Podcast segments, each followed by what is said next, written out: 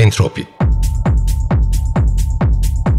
Sonsuz enerji, sonsuz devinim ve düzensizliğin değişen ritmi. Hazırlayan ve sunan Bikem Ekberzade.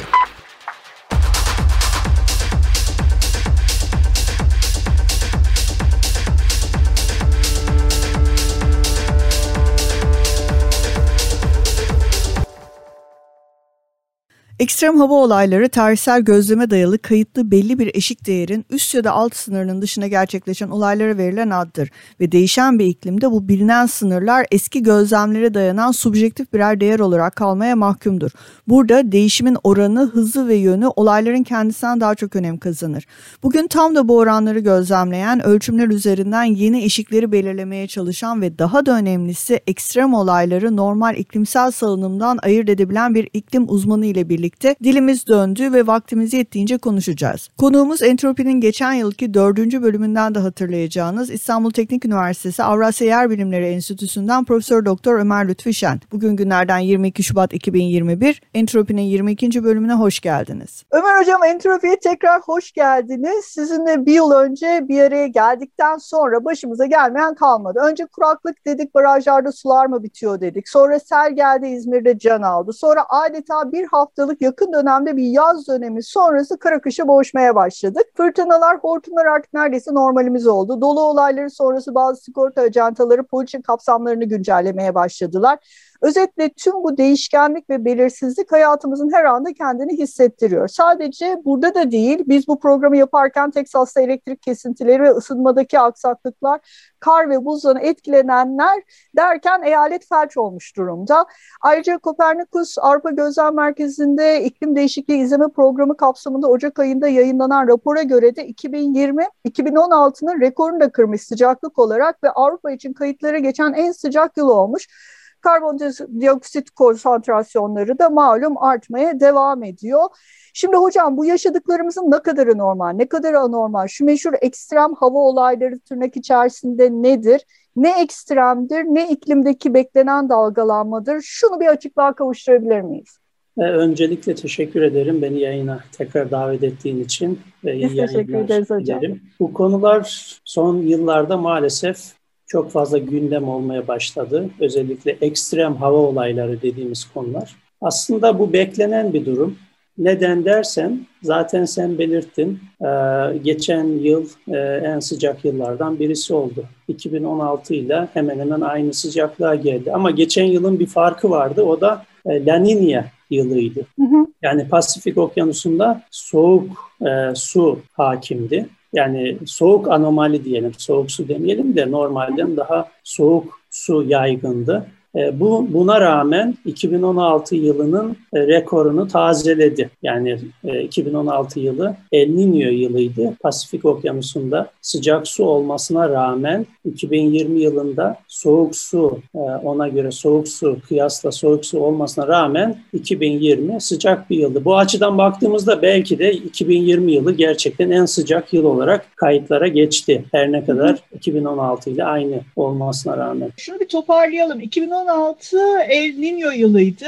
E, çünkü 2015'in sonunda aslında sinyalleri almıştık ama 2020 La Nina yılı yani 2016 sizin az önce anlattığınız gibi deniz suyu sıcaklıklarının zaten e, yüksek olduğu bir yıl olmasına rağmen 2016 sıcak bir yıl olarak kayda geçti. Ama 2020'de durum daha farklı. Şimdi tam bir anlatır mısınız? Tam neler oldu o sırada? E, 2016'nın en sıcak yıl ol, olacağı daha önceden biliniyordu. Çünkü 2015 yılı El Niño olayının tepe tepe noktaya ulaştığı Aralık ayında biliyorsunuz ulaşıyor. Evet. Yıldı. Ve onu takip eden yıllar, e, El Niño yıllarını takip eden yıllar en sıcak yıllar olur. Yani sıcak evet. yıl. Yani bu şaşırtıcı bir şey değildi aslında 2016'nın bu kadar yüksek sıcaklıklar kaydetmesi. Evet ama 2020'ye geldiğimizde e, burada bir farklılık var. 2020 yılı La Nina yılıydı. La Nina yılında e, Pasifik Okyanusu daha soğuk oluyor. Yani normalden daha soğuk oluyor. E, soğuk olması yani büyük e, Büyük Okyanus'un büyük bir kesiminin e, normalden soğuk olması aslında o yılın daha soğuk olacağı beklentisini oluşturuyor. Hı hı. Fakat buna rağmen 2020 yılı 2016 ile kafa kafaya geldi sıcaklık artışı olarak. Yani evet. endüstrileşme öncesine göre sıcaklık artışı anlamında kafa kafaya geldi. Bu da bize şunu gösteriyor aslında. Gerçek anlamda en sıcak yıl 2020 yılı. Yani sıcaklık artışı devam ediyor. Evet, evet hocam. Okyanus sıcaklıkları e, önemli. Onlara bakıldığında okyanus sıcaklıklarının en sıcak seviyeye 2020 yılında ulaştığını görüyoruz. Yani onlar daha yavaş ısınıyor okyanuslar ve 2020 yılında en sıcak yıl olarak kayıtlara geçti. Şimdi e, bu veri üzerinden yorumlar yapılmıştı. Eğer okyanuslar hani bu şekilde ısınmaya devam ederse mutlaka ekstrem hava olaylarında bunun bir yansıması olacaktı. Ve son zamanlarda gerçekten ekstrem olaylarda dünya genelinde sadece Türkiye'de değil dünya genelinde artışlar görüyoruz. Şiddetinde de artışlar görüyoruz. Şimdi Texas olayına gelirsek Texas'ta Şubat'ın ikinci haftasından itibaren e, bir soğuk hava dalgası gerçekleşti. Bu soğuk hava dalgası hangi hani hava haberine bakarsanız bakın e, polar vortex ile alakası olduğu hı hı. söyleniyor. Şimdi burada tabii polar vortex nedir onu bilmek lazım. Hı hı. Polar vortex kuzey kutbu üzerinde saatin ters yönünde dönen şiddetli hava akımının, rüzgarların diyelim ve onun çeperinde oluşan jet akımlarının onlardan daha da güçlü jet akımlarının e, oluşturduğu sisteme diyoruz. Polar vortex bu batıdan doğuya doğru döner ve bunun görevi oradaki soğuk havayı bir nevi baraj gibi barajın arkasında hani su birikir, baraj suyu tutar. Aynen havayı, soğuk havayı kutup polar bölgede tutması görevi bu. E, rüzgarlar ne kadar hızlı dönerse o soğuk hava o kısımda o kadar hapsolur. Ha, bu rüzgarların oluşması orta enlemler ile bu polar bölge arasındaki sıcaklık farkından meydana gelir. Sıcaklık ne kadar fazlaysa yani bizim olduğumuz enlemler ile kutup bölgesinden bahsediyorum. Ne kadar fazlaysa rüzgarlar o kadar hızlı döner. Rüzgarlar ne kadar hızlı dönerse soğuk havada o kadar orada kapalı kalır. Yani tutulur orada aşağı enlemlere bizim olduğumuz enlemlere sarkamaz. Fakat bazen e, bu sıcaklık farkı azaldığında rüzgar hızı yavaşlar bu jet akımları yavaşlar ve Menderes çizmeye başlarlar. Yani kuzeye güneye doğru e, gidip gelmeye Aşağı başlar. Aşağı doğru vortex gevşiyor aslında değil mi hocam? Aynen. Vortex artık zayıflıyor ve genişliyor. Bir dil atıyor sanki orta enlemlere doğru. Sadece bir yerde değil birkaç yerde de yapabiliyor bunu. Diyelim Amerikan üzerinde yapıyor, Avrupa üzerinde yapıyor, işte Doğu Asya üzerinde yapıyor. Bu şekilde soğuk hava sarkmaları meydana geliyor. Evet hatta dinleyicilerimiz gözlerinin önüne getirmek isterler. Sıkı bir daireyi düşünelim ve ondan sonra o dairenin yavaş yavaş esnekliğine ulaşıp öyle diyelim bazı kısımlarının aşağı doğru genişlediğini, bazı kısımlarının kuzeye doğru çıktığını ve böylece bir dalgalanma olduğunu. Yani böyle bir figür çizelim onların da gözlerinin önünde canlanması için ve burada sarkmalardan bir kısmı da bize kadar ulaşabiliyor değil mi hocam? Evet. Şimdi aslında bu normal bir olay. Yani bu her yıl tekrarlaması gereken bir olay. Neden? Yaza, yaza doğru gittiğimizde güneş kuzey yarım küreyi daha fazla ısıttığı için özellikle orta enlemlere doğru daha fazla ısınma olduğundan dolayı kutup bölgesiyle sıcaklık farkı artar ve rüzgarlar daha hızlı döner ve bu soğuk havayı tam kutup bölgesinde tutarlar. O nedenle yazın bize soğuk hava pek gelmez. Ama kışın güneye gidince güney yarımküreye güneş hani dik gelmeye başladığı zaman kuzey yarımküre soğuyor. Bu sıcaklık farkı azalıyor. Azaldığı zaman da bu Menderes çizmeye başlıyor e, jet akımları ve kuzeyden güneye doğru olan jet akımları bize soğuk havayı getiriyor. Kuzeyin soğuk havasını getiriyor. Güneyden kuzeye doğru olan jet akımları da güneydeki sıcak havayı kuzeye doğru, kuzey yukarı enlemlere doğru taşıyor. Bir bakıyorsunuz ki mesela Londra'nın sıcaklığı e, Grönland'ın sıcaklığından daha düşük olmuş. Yani kutup bölgesinin sıcaklıkları bazen daha aşağıdaki enlemlerin sıcaklıklarından daha yüksek olabiliyor. Hı hı. Nitekim e, bu son olayda da Teksas'ta ölçülen bazı sıcaklıklar Alaska'daki sıcaklıklardan daha düşükmüş. Demek ki Alaska tarafında yukarıya doğru yani kuzeye doğru, kutba doğru bir sıcak hava taşınımı söz konusu. Ama e, Amerika üzerinde de güneye doğru bir soğuk hava taşınımı gerçekleşmiş. Şimdi bu aslında normal bir olay dediğimiz gibi. Fakat bunu anormal yapan, ekstrem yapan olay ne? Neden bu hani bu kadar güçlü? Evet. Bazen 2-3 yılda bir bunun güçlü olması o da normal. Yani 2-3 yılda bir e, Amerika'da mesela böyle soğuk bir dönem yaşanabiliyor. Özellikle doğu tarafında. Yani doğu tarafında daha yaygın oluyor. Soğuk bir dönem, episod diyelim yaşanabiliyor. Bazen e, Avrupa üzerinde de yaşanabiliyor. Fakat tabii Texas'a kadar ki Texas en güneydeki eyaletlerden birisi bunun ulaşması onu gerçekten ekstrem bir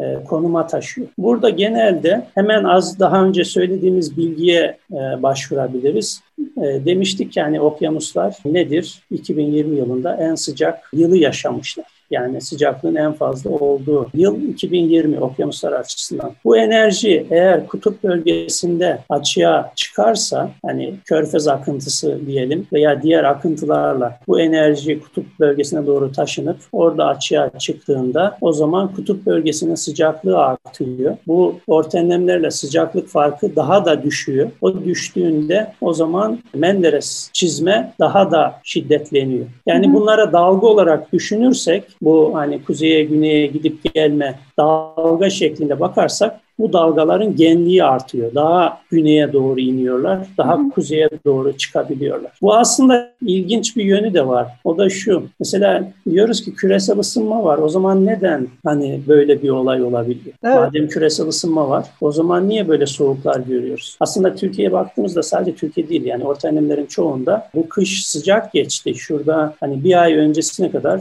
20 dereceleri görüyorduk. Hani 15-20 dereceler civarındaydı. Peki o zaman hani böyle bir olay nasıl gerçekleşiyor? Bu bir hani soru işareti. İşte burada da önemli olan nokta şu. Kutup bölgeleri küresel ısınmaya buzullarla kaplı olduğu için daha fazla tepki veriyor. Buzullar kalktığı zaman bu sefer orada daha fazla yüzeyde enerji birikiyor. Kutup bölgeleri genelde orta enlemlere göre iki kat, en az iki kat daha fazla ısınıyor. Yani küresel ısınma dediğimiz olay hani küresel çapta ama her yerde aynı miktarda olmuyor. Orta enlemlerde bir derecelik sıcaklık artışı kutup bölgesine gittiğinizde iki derece, üç derece gözüküyor. Yani onun iki üç katı oluyor. Bu ne demek? Kutup bölgesiyle orta enlemler arasındaki sıcaklık farkının azalması demek. O azaldığında da bu, bu Menderesler ya da o dalgaların genlikleri artıyor. Daha güneye iniyorlar, daha kuzeye çıkabiliyorlar. Şimdi daha güneye indiğinde bir tarafa daha soğuk havayı getirebiliyor. Öbür taraftan da işte güneydeki o sıcak, daha sıcak yerlere ulaştığı için o dalgalar oradan aldıkları daha sıcak havayı daha kuzeye taşıyabiliyorlar. Evet. Bu şekilde böyle siz mesela sıcaklık anomalisine, sapmasına bakarsanız, hani uzun yıllardan sapmasına baktığınızda böyle dünya genelinde orta enlemlerde şunu görüyorsunuz. Bir sıcak yer var, bölge. Diyelim Amerika'nın doğu tarafı soğuk, batı tarafı sıcak. İşte okyanusa geliyorsunuz yine öyle sıcak, soğuk, sıcak, soğuk şeklinde gidiyor. Normalde bu polar vortex enlemlere paralel olarak dönseydi, hareket etseydi, yani bu menderesleri çizmeseydi o zaman böyle bir sıcaklık dalgalanması göremeyecektik. Evet hocam.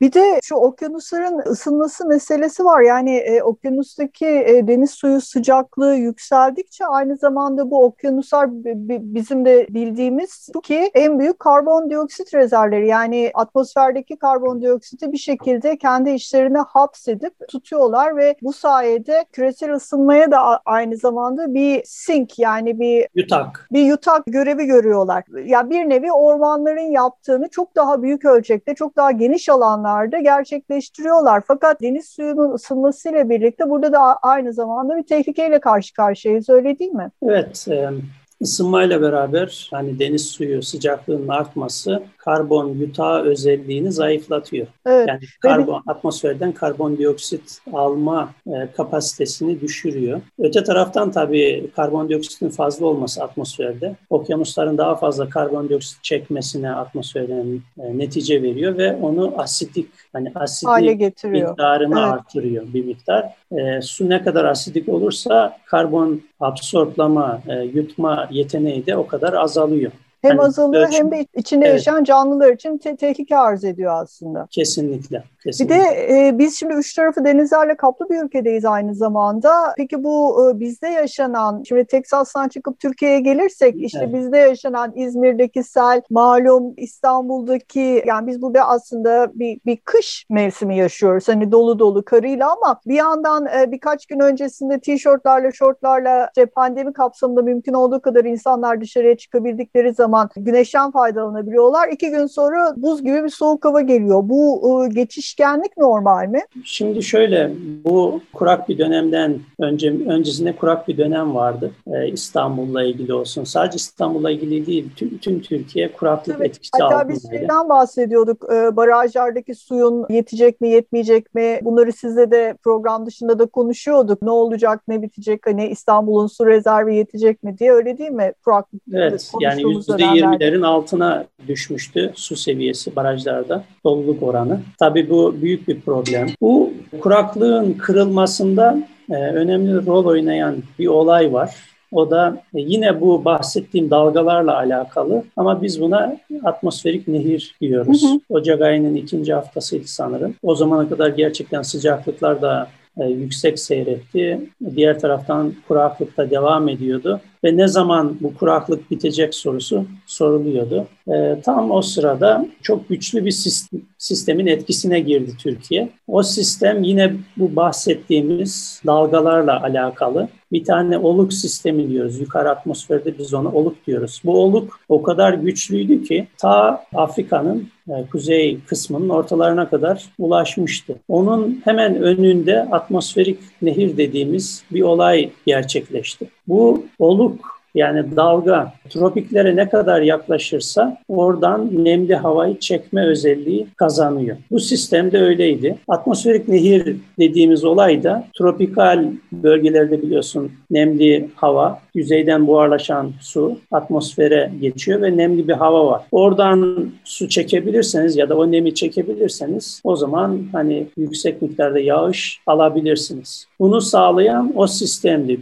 büyük ölçekli sistem. Atmosferik nehir dediğimiz kavram da yerdeki nehirlere benzeyen dar, uzun, binlerce kilometre uzunluğunda e, nem taşınması, böyle dar hı hı. nem taşıyan koridorlar. Bunlar aynı zamanda da hareket ediyor. Yani yerdekiler sabit duruyor ama onlar hareket ediyor. E, batıdan doğuya doğru bir miktar kayıyorlar. Kayarken de tabii işte Türkiye'nin diyelim öncelikle e, Trakya bölgesini etkiliyorlar. Sonra işte İç Anadolu'ya ve Doğu Anadolu'ya doğru gidiyor. E, farkındaysan o zaman e, ilk önce Trakya bölgesinde yüksek miktarda yağış meydana geldi ve işte sel taşkın olayları oluştu. Evet. Daha evet. sonrasında e, bu e, atmosferik nehir e, Anadolu'ya doğru, doğru kaydı. Orada kar yağışına sebep oldu. Bir nevi sanki hortum gibi düşünün. O hortum e, bir ucu hani nem çektiği ucu diyelim musluğu e, gidiyor tropiklere konumlandırıyor. Oradan ta Moritanya, Senegal açıklarında Atlas Okyanusu'nun oradan su çekip ülkemize kadar getiriyor.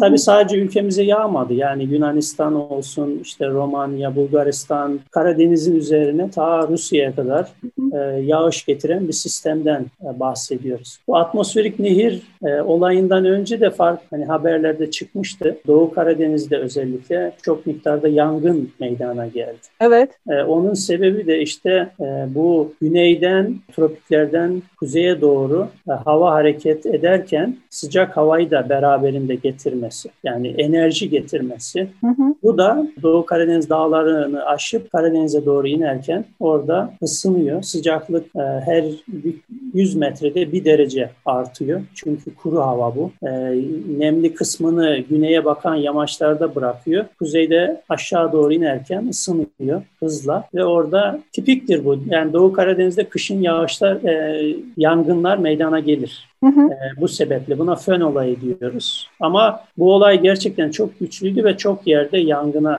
sebep oldu. Bu da hani bir ekstrem olaydır. Bu atmosferik nehir e, doğu tarafına doğru gittiğinde eğer hava soğuksa özellikle yükseklerde kar yağışına sebep olarak aslında su kaynakları açısından önemli bir işlev de görüyor. Biz bununla ilgili e, çalışmalar yaptık. Evet. Afrikalı diyoruz. Afrikalı Afrikalı e, atmosferik nehirler. Onlar e, bize e, nem getiriyor. Aynı zamanda sıcak hava getirdiği için de yerdeki karı eritip sel ve taşkın olaylarına, bu olay birleştiğinde sel ve taşkın olaylarına sebep olabiliyor. 2004 yılında özellikle Mart ayının başlarında e, Doğu Anadolu'da böyle bir olay gerçekleşti. O zamana kadar olan en büyük, en güçlü atmosferik nehirlerden birisi o bölgeyi etkiledi ve e, bir taraftan yerdeki karı eritirken diğer taraftan da e, yağışlarla beraber sel ve taşkın olayları meydana geldi ve hı hı. E, ilk defa Atatürk Barajı'nın kapakları açılarak e, su salındı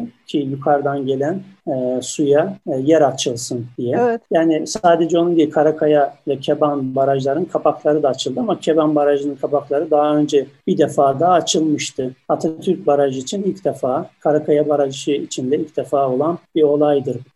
Çok enteresan hocam. Yani biz hep e, dediğiniz gibi yeryüzündeki nehirlere alışırız. Atmosferde bir nehir olacağını e, düşünmek ben şahsen onları sizin sayenizde, onlarla sizin sayenizde tanıştım. E, ve gerçekten çok enteresan fenomenler. Peki e, son soru. E, bu atmosferik nehirler e, iklim değişikliğinden etkileniyorlar mı? Ya da onları e, iklim değişikliğini etkiliyorlar mı? Atmosferik nehirler ya da atmosferdeki her şey yeryüzündeki her şey iklim değişikliğinden etkilenecektir. Yani bunun e, aksi düşünülemez. İklim değiştik, değiştikçe onlar da değişecek.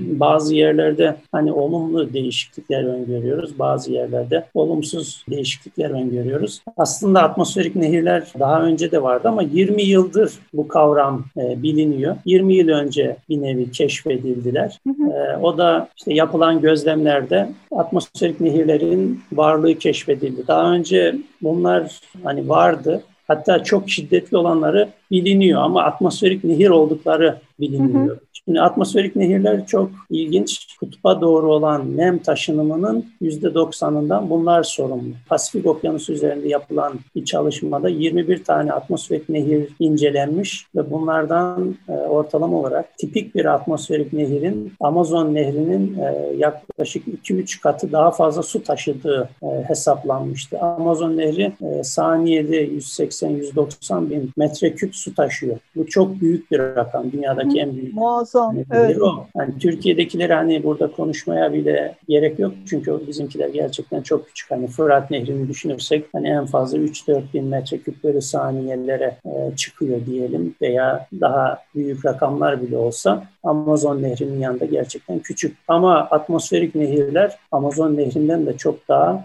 fazla su taşıyor. Şimdi bunlarla ilgili hani gelecekte iklim değişikliğinden nasıl etkilenecek ile ilgili çalışmalar yeni başladı. O nedenle henüz iklim değişikliğinden nasıl etkilenecek e, sorusunun cevabını tam olarak bilmiyoruz. Yani mutlaka etkileneceklerdir e, ama nasıl etkileneceğini bilemiyoruz. Ama hı hı. eğer Türkiye'deki yağışların bir kısmı ki biz bizim yaptığımız çalışmada özellikle Doğu Anadolu'daki yağışların bir kısmından e, atmosferik nehirler sorumlu. E, o kısımda yağışlarda azalma meydana gelecekse o zaman demek ki atmosferik e, nehirlerde de en azından nem taşınımı açısından azalma meydana geleceğini söyleyebiliriz. Evet, hocam sizin zaten bu atmosferik nehirlerle olan çalışmalarınız gerçekten çok e, bilgilendirici makaleleriniz de var. Ee, yoğun da çalışıyorsunuz. Biliyorum iyi de sağlam da bir ekibiniz var. Bununla ilgili ilerleyen entropi bölümlerinde e, daha detaylı konuşmak isterim sizinle ama e, bugünkü programı bitirmeden son bir soru sorayım size. Gelecekteki projeksiyonlar için Türkiye'de bir e, kuraklık öngörülüyor. Ama bu sene bir kar yağışı oldu. Bu da güzel çünkü e, yüksek alanlarda en azından bir su rezervi demek bu eğer doğruysa ve daha kurak dönemlerde de bu rezervden faydalanacak demektir. Türkiye'nin gerek bitki örtüsü gerek insan kullanımı için su birikimleri ama ileriye yönelik sizin öngörünüz nedir? Bu kuraklık durumunu siz nasıl değerlendiriyorsunuz? Bizi nasıl günler bekliyor? Projeksiyonlar Türkiye'de kuraklığın artacağını gösteriyor. Ama şimdi kuraklık kelimesi hani İngilizce'de e, bizde tek kelime fakat e, İngilizce'de iki tane kurak evet. kelimesi var. Bunlardan bir, bir tanesi aridity diyoruz. Hani bir yerin kurak olması, oranın iklim hı hı. özelliği öyle. Mesela Güneydoğu Anadolu, işte yarı kurak bir bölge diyoruz. Oranın iklim özelliği. Diğer taraftan da geçici drought yani İngilizcesi olan bir terim daha var. Bildiğimiz kuraklık, gelip geçen kuraklık geçen suyun, yıl yaşadığımız kuraklık. Suyun azalması ve yok olması evet. değil mi sistemde? Yağışların azalmasıyla alakalı ama geçici azalmadan bahsediyoruz. Şimdi gelecekteki projeksiyonlara baktığımızda Türkiye'nin güneyinde e, bu ikisinde de hani özellikle birinci söylediğimde artış meydana geliyor. Yani orası daha kurak bir iklime doğru kayıyor. Türkiye'nin güneyindeki havzalardan bahsediyor. Evet. İşte Fırat, Dicle, Seyhan, Ceyhan, Asi ve Akdeniz havzalarından bahsediyor. Öte taraftan bir yerde yağış azalıyorsa yani azalma eğilimi varsa o zaman günümüz karakteristiklerine göre, özelliklerine göre kuraklıkta da bildiğimiz o geçici kuraklıkta da değişiklikler meydana geliyor. Daha şiddetli hale geliyor, daha uzun hale geliyor. Daha sık hale geliyor mu? Hani bu bir soru işareti ama daha uzun ve daha şiddetli olma ihtimali artıyor. Kuraklık evet. bildiğimiz geçici kuraklıklar. Projeksiyonlar bu şekilde. Ama bu bahsettiğim kuraklık yağışların azaldığı her yerde olabilir. Yani Türkiye'nin e, güneyinde de olabilir, iç kesimlerinde de olabilir. Normal kuraklık, bahsettiğimiz kuraklık e, gelecekte Türkiye'nin her tarafında olabilir. Geçmişte de olmuştu, günümüzde de oluyor, gelecekte de olacaktır. Fakat e, yağışta değişiklik yoksa e, o zamanki kuraklığın özellikleri günümüzdekine benzeyebilir. Ama yağış azalıyorsa kesinlikle günümüzden daha şiddetli ve daha uzun kuraklıklara maruz kalacağız. Özellikle evet, Türkiye'nin güneyi için konuşuyorum. Evet hocam biz de bunları izlemeye devam edeceğiz. Sizinle birlikte de burada periyodik olarak değerlendirmeye devam edeceğiz. Şimdi bu güzel bir tesadüf oldu. Seninle bir kere buluşmamızın ikincisini gerçekleştiriyoruz. Arayı bu kadar açmayalım ama umarım e, haberlerden kaynaklı değil de sizi burada konuk etmek istediğimizden kaynaklı arayı açmayız ve periyodik olarak hem atmosferik nehirler kavramına hem o kavrama hem de kuraklık ve yağış rejimlerine ve aynı zamanda bununla beraber de iklimdeki değişkenliğe birlikte bakarız. Çok mutlu olurum tekrar bize konuk olursanız. Teşekkür ederim. Sağ olun hocam. Görüşmek üzere. İyi günler.